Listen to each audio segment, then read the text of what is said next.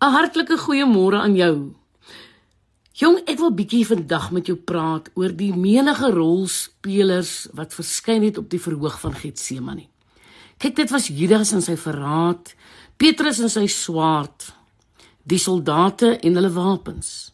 En alhoewel hulle belangrik is, is hulle nie hoofspelers nie. En die konfrontasie vind nie plaas tussen Jesus en die soldate nie. Nee, dit is tussen God en Satan. Satan durf om weer 'n tuin binne te kom. Maar God staan vas en Satan het nie 'n keuse nie. Satan val in die teenwoordigheid van Christus. Een woord oor sy lippe en die sterkste leer in die wêreld is verslaan. Satan is sommer stil wanneer ons na God roep.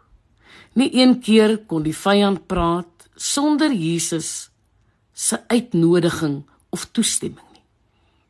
Voor Christus het Satan niks te sê nie.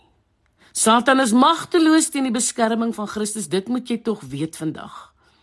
En wanneer Jesus sê hy sal jou bewaar, bedoel hy dit waaragtig.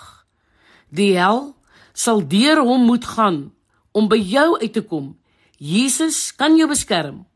Wanneer hy sê hy sal jou by die huis besorg, sal hy jou daar kry. Nou kyk, die skrywer van Hebreërs was nie 'n golfspeler nie. Maar hy kon miskien 'n drawer gewees het. Want hy praat van 'n hardloper en 'n voorloper. Die voorloper is Jesus, die begin en volëindiger van die geloof. Ja, hy is die begin. Dit wil sê die inleiding tot ons verlossing. En hy is dan ook nou die volëinder. Nie net het hy die roete uitgelê nie. Man, hy het die hele weg gebaan vir ons. Hy is die voorloper en ons is die volgelinge. En ons word vermaan om ons oë op Jesus te hou. Maar wees vry om te glo as ons met vrees belaai is. Ons sal net 'n paar huiwerige ou treetjies kan neem solank ons bang is.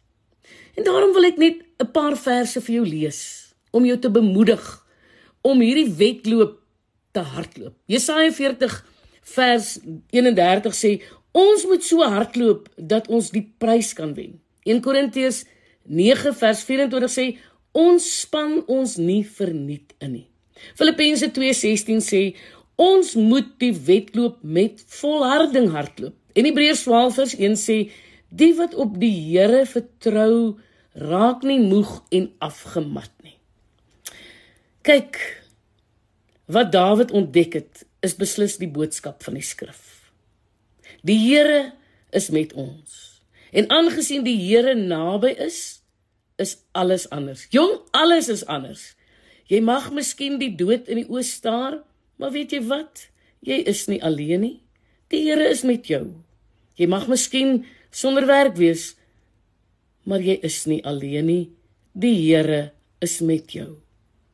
Jy mag miskien huweliksprobleme hê, maar jy moet weet dat jy nie alleen is nie. Die Here is met jou. Jy mag miskien skuld hê, maar jy is nie alleen nie. Want die Here is met jou.